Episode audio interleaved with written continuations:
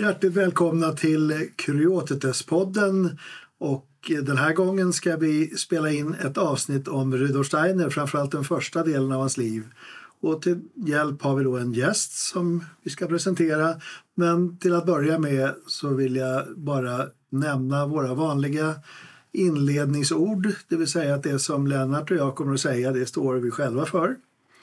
Och att vi är väldigt glada för återkoppling och feedback. Och det gör man antingen via mail på kuriotetespodden snabelagmail.com eller så kan man kommentera det på Youtube eller Instagram eller Facebook. Dessutom skulle jag vilja i det här sammanhanget uttrycka vår stora tacksamhet för de bidrag som har börjat komma in via Swish. Och ni kommer att se numret i bild. Och uh, det gör oss extra tacksamma för det är en möjlighet att utveckla det vi gör ytterligare. Så stort tack till er som har bidragit. Med detta sagt så kastar vi oss över dagens gäst som heter Lennart Nilo, en välkänd hjärnaprofil. Eh, du får säga någonting om dig själv, Lennart. Ja, eh, då kanske jag börjar med att eh, folk frågar vad är var, var mina in, intressen ligger. Ja, och då brukar jag säga ja, det är tre M. Mm. Och det är musik, människor och meningen med livet. Och det innefattar lite grann av det jag håller på med. Ja. Musik, musiken har varit en stor del av mitt liv. Eh, som musiklärare, musiklärare i olika sammanhang.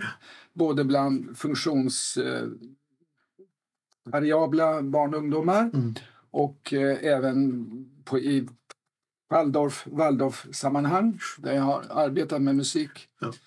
Eh, och eh, människor, jag och min fru har bedrivit vårdverksamhet tillsammans under alla år där vi har tagit oss an barn med autism och mm. ja, typ av olika handikapp. Människor och Sen mening med livet har jag alltid varit intresserad av. Mm. Och där kommer då antroposofin in som en viktig mm. del av mitt liv. Ja. Lite grann så. Ja. Mm. Och vår tanke idag är att du dessutom är så förnämd så du är expert på Rudolf Steiner, åtminstone den första delen av hans liv. Som ja. du har sysslat jättemycket med. Men sen eh, vet jag att vi kanske bara ska nämna någonting som eh, du har kämpat med en stor del av ditt liv. Nämligen du har problem med stamning. Ja, den, den har följt mig sedan jag var barn. Stamningen är en, en stor del av mitt liv. Mm. Eh, och den eh, har varit ett hur ska, hinder för mig naturligtvis i olika sammanhang. Eh, men jag har bearbetat det väldigt mycket mm. och eh, alla har rätt att vara och finnas med sina olika handikapp. Och jag har eh, också vågat vågat mig på saker nu när jag blivit äldre som jag inte har vågat tidigare när det gäller mitt tal. Och så. Bara att sitta här för mig känns lite spännande och man vet inte hur det kommer gå men eh, det känns tryggt och bra hos dig. Ja, jag är helt övertygad om att det kommer att gå väldigt bra. Mm. Ja, men lite grann till det temat, du, du sa själv det här med antroposofi och, och då om man intresserar sig för, för antroposofi så är det ju svårt att ta sig runt Rudolf Steiner. Mm. Och, ehm, men jag är ju uppvuxen med en, en bild av Rudolf Steiner som väl egentligen härrör från de sista 20-25 åren mm. av hans liv. Mm. Det vill säga allt det här med att hålla föredrag, mm. um, esoterisk lärare, um, högskola, starta Waldorfskolor. Mm. mm. Alla de här sakerna som mm. vi har vant oss vid att, att uppskatta. Mm. Men uh, när man tittar närmare på Rudolf Steiner så är det egentligen den sista tredjedelen av hans liv. Mm. Eh, vilket ju då som vän av ordning kan konstatera att det finns två tredjedelar mm.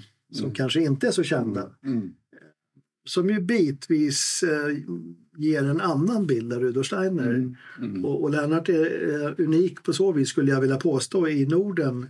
Därför att du har gått igenom alla eller de hittills kända breven mm. och dessutom översatt dem. Ja. Så du har sysselsatt dig ganska mycket med den sidan av Rudolf Steiner. Mm. Mm. Så det tänkte jag att vi ska ja. ta oss igenom. Ja. Ehm, för jag upplever också i samtal med dig att det ger en bitvis annorlunda bild. Mm. Mm. Mm. Och du har ju dessutom, eller du gör fortfarande resor i, i Rudolf Steiners fotspår. Så vi kommer att hålla oss kring de temana. Okay. Mm. Jag tänkte vi kanske börjar med, mm. hur såg det ut i, han, i hans barndom? Ja, Ja, eh, jag vill bara foga till, alltså breven finns först från 1881 och då är han 20 år gammal. Ja. Där börjar brevskörden, så Okej. innan det finns det inga brev. Nej. Men han föds ju 1861 i en liten by i nuvarande Kroatien, Donje Kraljevek. Eh, och där börjar resan. Mm. Och jag, de här resorna uppstod ett behov från min sida. Jag har arbetat inom läkepedagogik inom Waldorfskolor hela mitt liv egentligen. Och jag har mött människor som är inspirerade av antroposofin. Som är med, till och med människor som har mött Rudolf Steiner själv. Och ja, det har jag eh, umgåtts, varit i, i en sådan omgivning hela mitt vuxna liv. Mm. Och så kom jag till en sån här punkt, men vem var Rudolf Steiner egentligen? Vem är det? Och jag, började, jag tänkte jag måste forska. Mm. Och då började jag, jag tog ett beslut att jag skulle läsa alla hans böcker från början till slut. Boken är 20, jag inte exakt, men det är en 20 band ungefär. Det är de skrivna böckerna. Så jag började läsa från början. Och då, då kan man säga att det finns väl ungefär 40 skrivna böcker Ja, och 310 ja föredragsböcker. just det. Om någon annan har samma ambitioner med det. Ja, jag tänkte jag vill ha det från början. Ja. Och då kom jag in på, på, på, på alltså naturligtvis när han föddes. Det, det nämnde jag nu, Mm. den här orten. Eh, och då börjar man att nysta upp också biografin eh, geografiskt. Ja. Och då kom jag in på det här födelsebyn i Donje Kraljevek, Wien, Weimar, Berlin. Berlin. Donje Kraljevek, Wien, Weimar, Berlin. Mm. Det var ett tydligt, tydligt spår. Och i, i, att födas i en liten by på landet Mm. och sen storstaden Wien, internationell. Sen kommer Weimar, en ganska liten stad, ett furstendöme där Mm. i Tyskland. Och så Berlin, den nya moderna storstaden egentligen. Ja. Det, och då, det här måste ju resa. Ja. Det var mitt första Ja. intryck. Det här måste jag göra bara. För, inte för att jag ska gå dit och sen stå vid hans hus som en sorts helig uppe, utan ja, forskande. Ja. Vad, vilka miljöer befann han sig i? Mm. Och då är den första den här orten där, där han föds som första son i den här familjen. Och där egentligen bara en kort, ett år, 1861-1862 bor han där med sin pappa. Mm. Och den här familjen, den här pappan som är stationsmästare och hans mamma. I- Det som är fascinerande är att det finns ingen bildning, i det finns inga böcker, det finns ingen musik, ingen kultur egentligen. Men det har fastnat vid pappan som alltid försvarar sin son i alla lägen. När han blir utsatt, till exempel lite senare i sin skolsituation, för, där, för våld, alltså från lärarnas sida, med aga så. Direkt tar han sonen ur skolan. De ska inte få attackera min son fysiskt. Ja. Han tar ur med skolan. Eller till exempel prästen vet, i en, en by lite längre när han närmar sig Wien. En präst som på de här, han deltar där som ministrant Mm. med andra pojkar. Mm. Och ehm, de har kommit för sent pojkarna. Och då, då, ska prä, då, då ser prästen de måste ha ett straff och det handlar om aga. Mm. Urstein, eh, pappa Johan Steiner tar honom direkt aldrig med till kyrkan.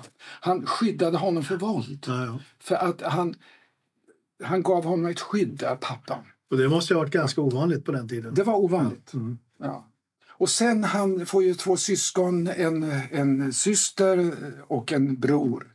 Och den här brodern Gustav som är han, är, han har funktionshinder, eller va- fu- funktionsvariabel. Han är död. Mm. Och detta fascinerande öde, den här pojken, som, det är hans bror och hans syster som sedermera blir blind längre fram. Mm. Och då sitter, alltså, läng, långt längre fram, men då har han alltså en, en bror som är dövstum, kallar man ju för. Mm. Och, och en syster som sedermera blir blind. Mm. En blind syster, en döv bror och där Steiner med sina enorma förmågor. Mm. Lite grann bara skissartat. Och det som jag också tycker att kan vara intressant det är ju eh, eftersom han ju är känd för de här andliga och esoteriska Mm. delarna senare. Men när han var ung hade han ju ganska naturvetenskapliga intressen Ja. förstått det. Ja, ja, ja, ja. Jo, men han, eh, det här blir väldigt skissartat. Ja. Alltså, han föds i den här byn och sen flyttar familjen till Wien. Ja. Och där är pappans alltså stationsmästare på olika orter söder om Wien. Han mm. flyttar mm. lite grann omkring. Och också hela tiden den här gränsen mellan Österrike och Ungern. Han bor i en by en, en period som ligger i Ungern faktiskt. Va? Eh, och det här mellanslaget, pendelslag med Österrike och Ungern mm. på, på, en gräns där. Ja. Eh, jo, men då... Eh, jo, men han hamnar ju där. Nu, nu tappar jag tråden. Naturvetenskapen? Naturvetenskapen, jo. Och det är lite det är senare. Pappan leder honom in. Han vill ju att han ska bli ingenjör. Mm. Och han är, han, han är begåvad. Han går i en skola i en liten by, som heter Neudörfel. Mm. Och eh, pappan vill ha honom till realgymnasiet i Wiener Neustadt. Mm.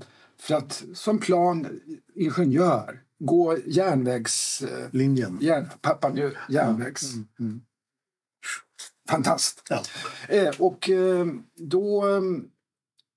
Eh, jo, det är ju pappan som styr in honom på det här. Mm. Och det är ju en, inte en typ av, typ av humanistisk utbildning utan en realgymnasiet är ju mer naturvetenskapligt. Mm.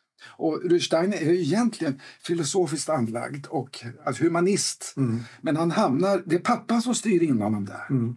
Och sen att han kom in på realgymnasiet är mycket intressant. Det var tack vare en teckning mm. som han tecknade. Det finns, den här teckningen finns kvar. De tyckte han var bra begåvad att teckna och den var faktiskt avgörande. Okay. Så går han i Wiener Neustadt och eh, sen får han ett typ alltså stipendium att kunna börja på Tekniska högskolan i Wien mm. 1879.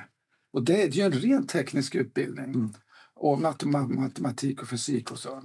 Eh, och där får man ju fram i breven att där får han ju stöta på materialismen mm. i excess. Till och med att han säger att han anslöt sig till materialismen en period. Mm. Han blir liksom materialist mm. mm. där. Mm. Men han får också lära sig vad det tänkesättet handlar om. Mm. Eh, och det, det, det, är, det är fadern som leder dem in på detta spår. Ja. Och då, nu är han ju 1820, eller hur? 1879 är han 18 år, ja. Mm. Mm. Och det, det, blir ju sen ett ganska stort steg för han kommer ju tillbaks till, till andra intressen under den här tiden har jag förstått. Alltså efter universitetsutbildning ja. och där träffar han ju alla möjliga på den tiden kändisar som I Wien ja, var, ja. Mm. professorer och, ja. och, andra kända ja. filosofer. Han, äh, faktum är att han avslutar inte sin tekniska hög, högskola. Det blir Nej. ingen examen där. Han går tidigare, då kommer ju Goethe in i bilden. Mm. Han får uppdrag av Carl Julius Schröer som han stöter på på Tekniska högskolan han där som gästprofessor och undervisar. Mm. Och han stöter på Goethe och då blir det att han ska redigera Goethes naturvetenskapliga skrifter. För att Karl Julius Schröer klarar inte det själv mm. och lägger det på Steiner. Och det är må många som sen har, har funderat över varför fick Rudolf Steiner denna uppgift. För det är mängder av professorer som ska arbeta med Goethes kvarlåtenskap. Och den här naturvetenskapliga delen det verkar som ingen, ingen vill ha det. Man ger det till Steiner. Man kan, och alla har professortitlar och, professor, mm. och alla möjliga titlar. Du, Steiner har ingenting. Och han var 20 någonting? Ja, 1882, 83, ja. 21, 22. Och Steiner får denna uppgift. Mm. Och um, ja... Uh, och det tänker jag, det är ju lite speciellt att det är en, en sån här akademisk miljö där det väl ändå var ganska vanligt både att man kom från bättre familjer ja, ja. och dessutom hade olika examina. Ja. Att han får ett sånt ja, uppdrag. Det, det är väldigt speciellt. Mm. Uh, ja. För att, mm. för att uh, det, det, är ju ganska stort att vara utgivare och han lyckas ju ganska bra för han blev ganska känd för det här. Det första bandet. Ja. Sen, sen kom ju det där att han blir sen med sina inlämningar. Um, han, han, eh, han tar på sig en massa andra uppdrag också. Han behöver, han behöver också pengar. Han är mm. ganska fattig. Han tar på sig att skriva lexikonartiklar i rasande takt. Ja. Eh, och det tar stor del. Och det visar sig att han, han har lite svårt med plan, tidsplaneringen. Mm. För att det kommer flera, flera brev. Men måste du skynda på, vi behöver dina artiklar. Han, han hinner inte med riktigt och blir jättestressad av det här. Ja, ja. Så det, och och det, det, dröjer länge, länge innan han blir färdig med det här Goethe. Just i Wien, den upplagan som ska ges ut, innan han blir färdig. Eh, han har någonting med tid, tidsuppfattningen och hur mycket han ska hinna med eller inte. Det är inte riktigt klart för honom. Alltså. För, för att han undervisar väl också parallellt? Han, ja, han har ju elever på, på Tekniska högskolan får han ju undervisa andra elever, mm. alltså stödundervisning. Eh, men sen kommer jag in med det här typ av informator för den här familjen Specht. Ja. Han får ett uppdrag att undervisa eh, de här sönerna i familjen Specht. Mm. Det är ett uppdrag. Och det var ju lite speciellt. Ja, ja. ja, ja. Mm. Eh, jag menar, I lekpedagogiska sammanhang är det människor med funktionsvariabler så mm. Den yngsta sonen, ja. Otto, har väl blivit mest känd. Ja. det också... som är förvånansvärt är att han hade också brodern Gustav mm. som var handikappad. Men honom nämner man nästan aldrig. Nej. Och han var ju död också. Ja. Men det verkar som Rudolf var insatt i dövspråken. Rudolf nämner väldigt lite om sin bror Gustav. Mm. mm. Det är ett intressant faktum. Ja. Ja. Men, men den här Otto Specht brukar man ju lyfta fram ja, absolut, ja. Eh, som en slags underlag både för ja. Waldorfpedagogik och, och läkpedagogik socialterapi. Han gjorde ju ett fantastiskt arbete med ja. honom. Ja. Kan du säga någonting om, om vad problematiken var? Ja, alltså Otto Specht hade ju typ alltså hydrocefalus, en ganska lätt hydrocefalus vad jag mm. förstått. Och han var ty, ty, typ av, de upplevde honom som obildbar. Och, och Rudolf föreslog för fru Specht, mamma Specht, de blev väldigt fina vänner. Mm. Att han, han skulle, tog sig gärna an, hand om Otto, men det måste han få göra helt på sitt eget sätt. Det visar sig bland annat att han använde vissa rörelser i sin terapi påminner om läkarrytmi, okay. får jag det till. Ja. Och eh, kom ju väldigt långt med Otto. Mm. Ja. Mm. ja, alltså så långt så att han blev läkare. Och, ja, just det. Vilket ju måste vara en ganska ja. vad ska jag säga, ja. genomgripande förändring från någon som anses obildbar. Ja, absolut, ja. Till, till att klara en läkarlinje. Ja, just det. Mm. Och jag, jag är uppvuxen med såna här citat som jag tror att de kommer från Steiner. Att för varje halvtimme så förbereder han sig två ja, timmar. Exakt, ja. Jo, jo. Så att det var en väldigt så ja. noggrann eh, ja. idé bakom ja, absolut, det Ja. Ja, ja. Mm. Mm. Um, och nu befinner vi oss någonstans på 1880-talet. Ja, ja vi, vi är på 1880-talet. Jag vet inte hur långt du, ska vi försvinna till Weimar så småningom. Ja, det, det kan ja, vi väl göra. För den sista delen av Wienperioden 1888 han kom i kontakt med en intressant författarinna, Rosa Mayreder. Rosa Mayreder. Hon eh, eh fick, eh, blev en väldigt god vän till Stein. Mm. Och var för henne, han kändes förstådd av henne. Mm. Eh, på, ett, på ett filosofiskt plan. Mm. Och hon blev en väldigt god vän med honom. Och det är intressant, nu företar jag lite grann bara. Rosa Meiler, sen sedermera omkring sekelskiftet när Steiner började gå in i de teosofiska sammanhangen eh, och började hålla föredrag för teosoferna, då blev hon väldigt förvånad. För att i Wien träffade han också på teosofer. Mm. Eh, i slutet på 1880-talet, deltog i deras arbete men han var väldigt skeptisk till det de gjorde. Mm. Och sa det till Rosa Mayer. Rosa Mayer deltog i detta också. Och han blev väldigt skeptisk och sa det till henne. Det, eh, och därför blev hon väldigt förvånad. Hon, verkar, han, hon såg något väldigt stort i hans som filosof alltså, och hans skarpa tänkande, beundrade det. Och sen började han arbeta med teosoferna i Berlin då vänder hon honom ryggen. Mm. Och hon skriver sin biografi, sin självbiografi, så tar hon faktiskt avstånd från mm. Och hon var ju intressant på så vis ja. eftersom hon är en väldigt tidig feminist. Ja, just det. Mm. Och, och en ganska känd personlighet både som konstnär men, ja. men framförallt de här kvinnorättsliga frågorna ja, som hon ja, drev ja, ja, jo, jo. Eh, väldigt hårt. Ja. Så hon var en mm. framstående mm. personlighet mm. mm. i Wien. Och det finns en till personlighet eh, som eh, också, han var väldigt stor kändis på den tiden. Då det var alltså Friedrich Eckstein. Han var en sån här typ typ allvetare, doktor allvetare. Okay. Han kunde allt, han var ett lexikon. Mm. Men han, han var en väldigt intressant personlighet. Och han deltog i det teosofiska arbetet. Han var teosof, men i den formen att man lämnar inte ut okulta saker. Det ska hållas hemligt mm. i, i, en liten krets. Och han Eh, har sen brevväxling med Rudolf Steiner ifrån när han flyttar till, till Weimar. Och där visar det sig, det framkommer i brevet, breven där att han upplever, han, i, hans, i hans självbiografi, Friedrich Ecksteins biografi, självbiografi, så beskriver han det som så att, ja, som att det är han som har lärt honom allt mm. om de här teosofiska kunskaperna. Okay. Ja, ja. Han tar åt sig äran och sen, som han skriver, och Rudolf Steiner gjorde sitt eget system av det här. Okay. Så, och, och, ja, lite grann så. Men det intressanta är att de teosofer han möter i Wien vänder honom ryggen sen när han själv börjar arbeta med teosoferna i Berlin. De förstår inte det. Nej. Och de förstår, förstår inte vad han håller på med egentligen. Men om vi hoppar tillbaka från Wien, mm. då får han ju ett uppdrag i Weimar. Eller? Ja, just det. Och det är, det är nummer två, Goethe, Goethe, en annan Goethe-utgåva.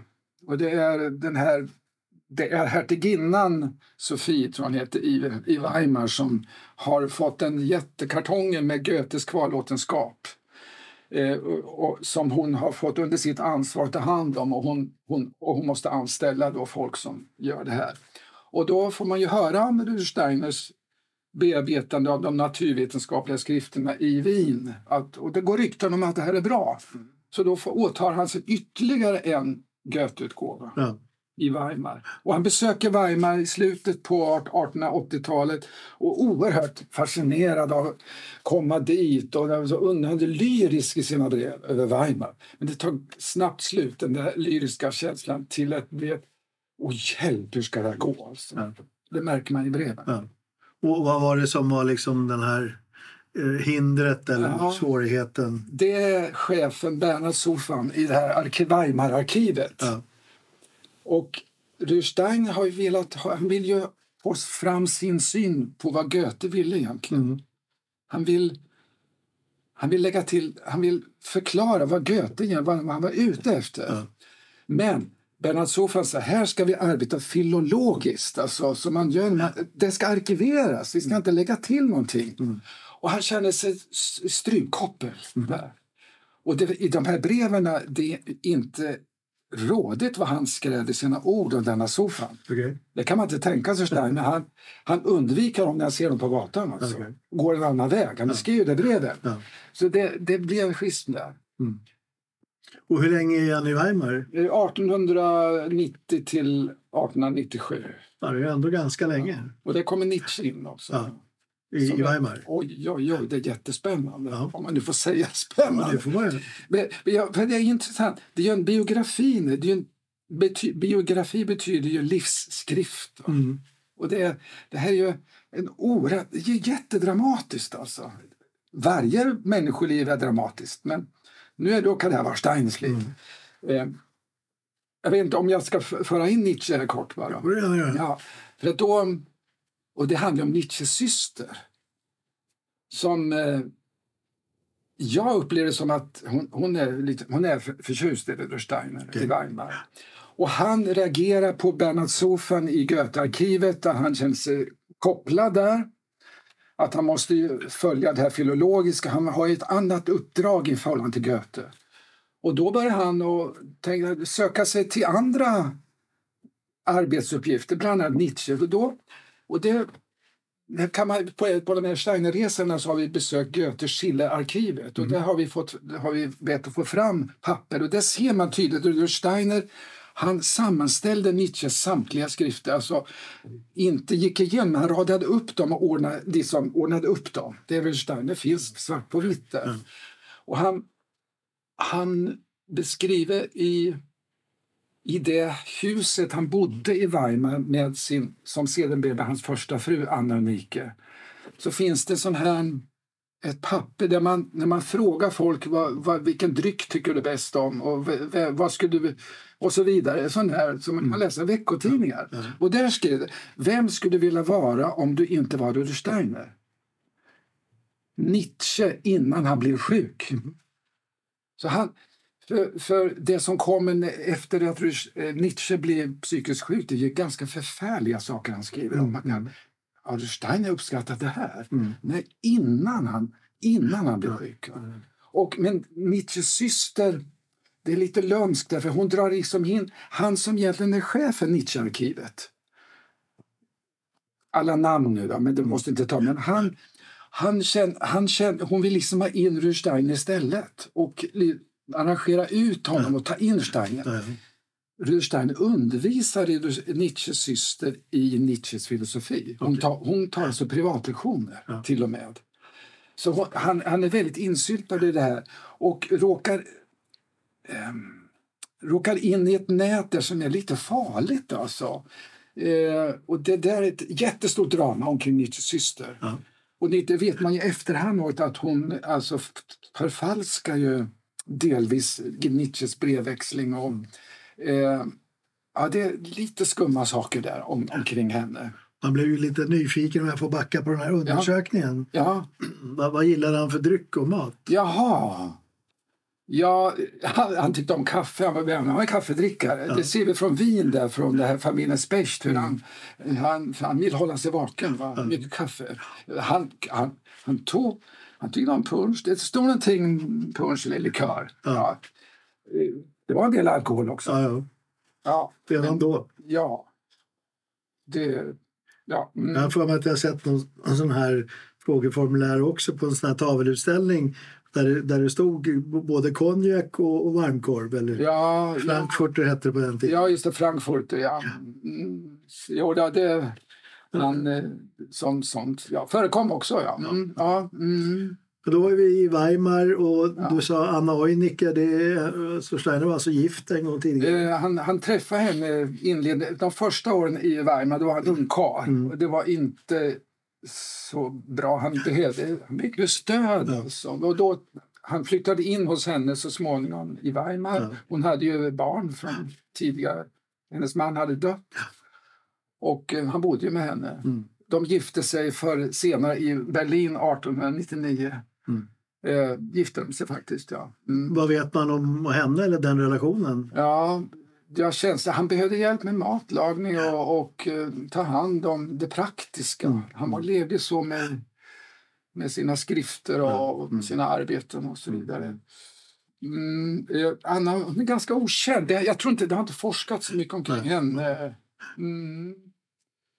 Det, men det, det, fin, det finns alltså brevväxling som är väldigt intressant. Nu har jag inte med mig några brev, Nej. men det är väldigt spännande saker. Det, om man nu företar det så eh, 1904 gick hon ifrån honom. Mm. När han kom i kontakt med Marie von Sivers som var teosof. Då, hon gick ifrån honom. Mm. Hon bara lämnade honom. De skilde sig aldrig. Anna Unike dog 1910, 1911. något, 1910. Ja.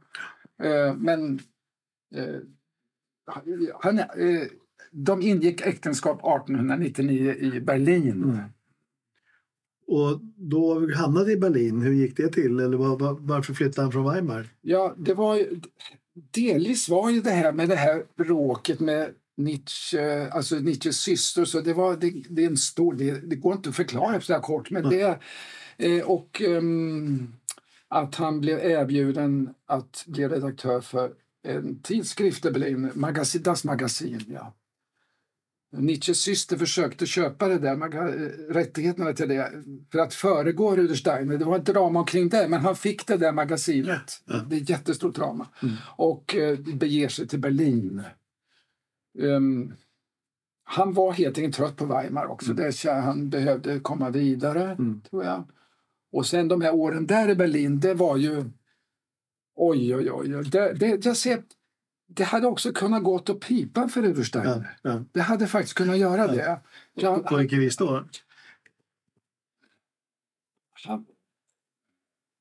det, är, svårt för en sån människa. Jag vet inte, han, han, han hamnade han, tillsammans med Otto Erich Hartleben. Det var ju han, var ju, han och Rudolf Steiner skulle vara redaktörer för det här Das Magasin.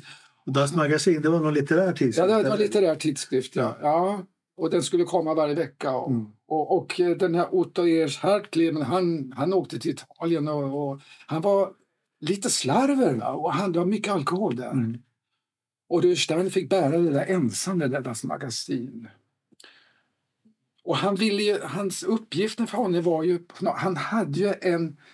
Vad heter det? Vad ska man säga? Alltså okult... Han hade okulta insikter. Mm. Men det var ingenting som han kunde... Han, han hade ju försökt i, i Wien och med Goethe få in det i de naturvetenskapliga sammanhangen. Ja. Han hade ju mycket brevväxling med filosofer och naturvetare där han försökte liksom få in sina tankegångar om det andliga tillvaron kan man väl säga rent ja. krasst. Jag vet, det är svårt att uttrycka det. Eh, och det fick han ingen gehör för. Och nu i Berlin så försöker han då i deras magasin att föra in artiklar som, led in, som, som led, leder in på det spåret. Men han har ju, det är en viktig del i Wien där omkring 1879, Tekniska högskolan. Där sägs det då att han möter en mästare som man inte nämner vid namn. Mm. Um, en typ av, typ av andlig mästare och som säg, säg, ger dem rådet studera Fichte. Det är svårt tankestoff. Mm.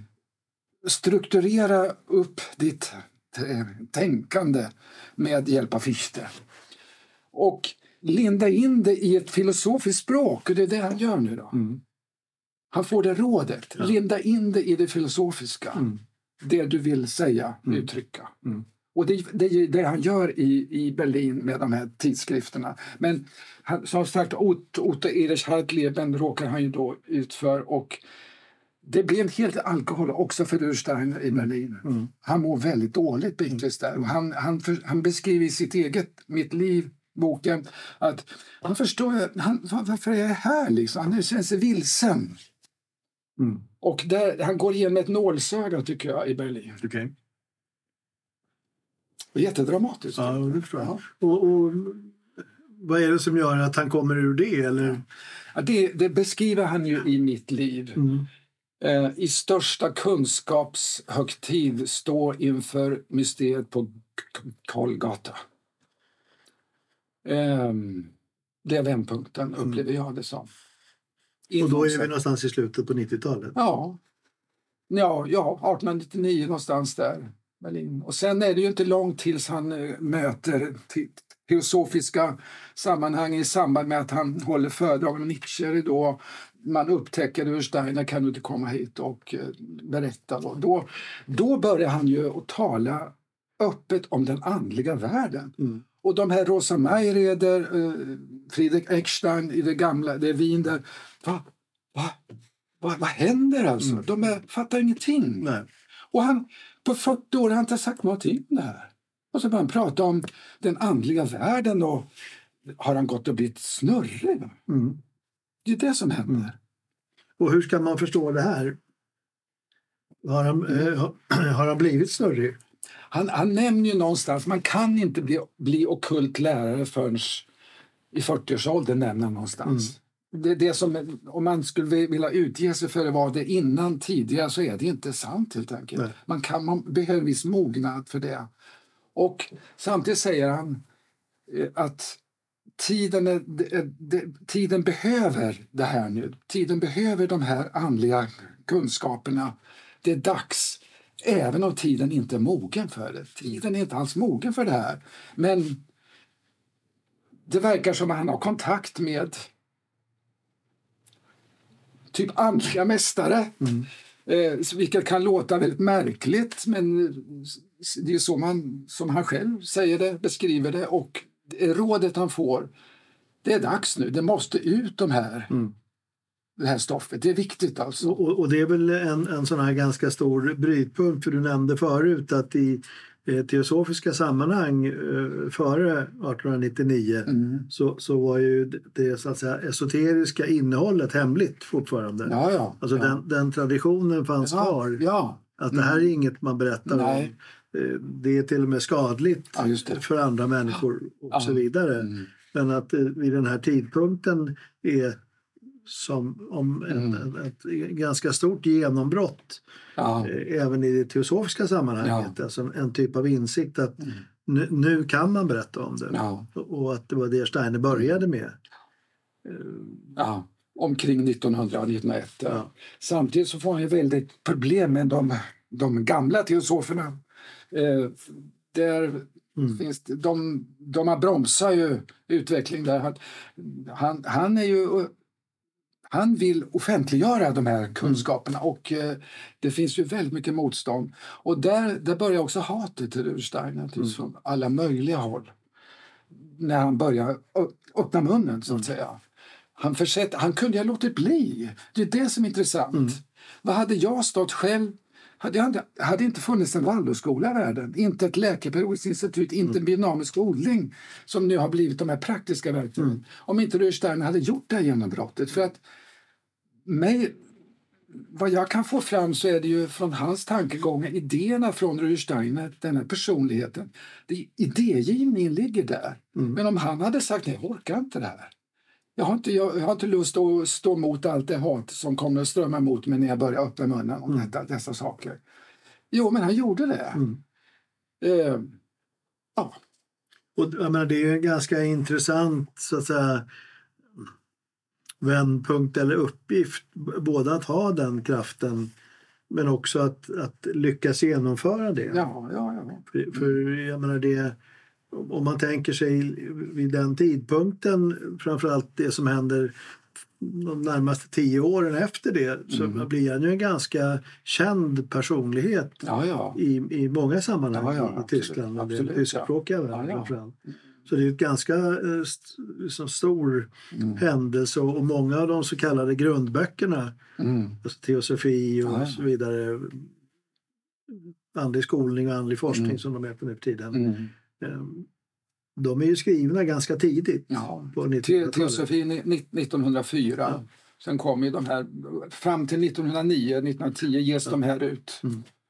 Ja, mm. Så det, det, var ju en, en, ganska intensiv period just med um, att ge ut och ställa ut i offentligheten. Mm. Och, och, jag vet att han i något sammanhang beskrev det som, eller på frågan med varför Teosofiska sällskapet, mm. ja, det var det enda, den, det, det enda sammanhang där det gick att prata om det här. Ja, jo, som han upplevde ja. ja. Men han, han, han, han, hade ju, han byggde ju på denna kvinna, Marie von Sivers. Mm. Hon har ju verkat inom det teosofiska. Och det framkommer i ett av hans brev att eh, du är den första byggstenen, mm. Marie von Sivers. Mm. Med dig kan jag samarbeta och där börjar vi bygga. Liksom. Mm. Ja. För, för att om man, om man backar i, i biografin så, så i sin självbiografi, den är ju skriven det sista han gör i ja, princip. Ja, ja, på dödsbädden. Ja.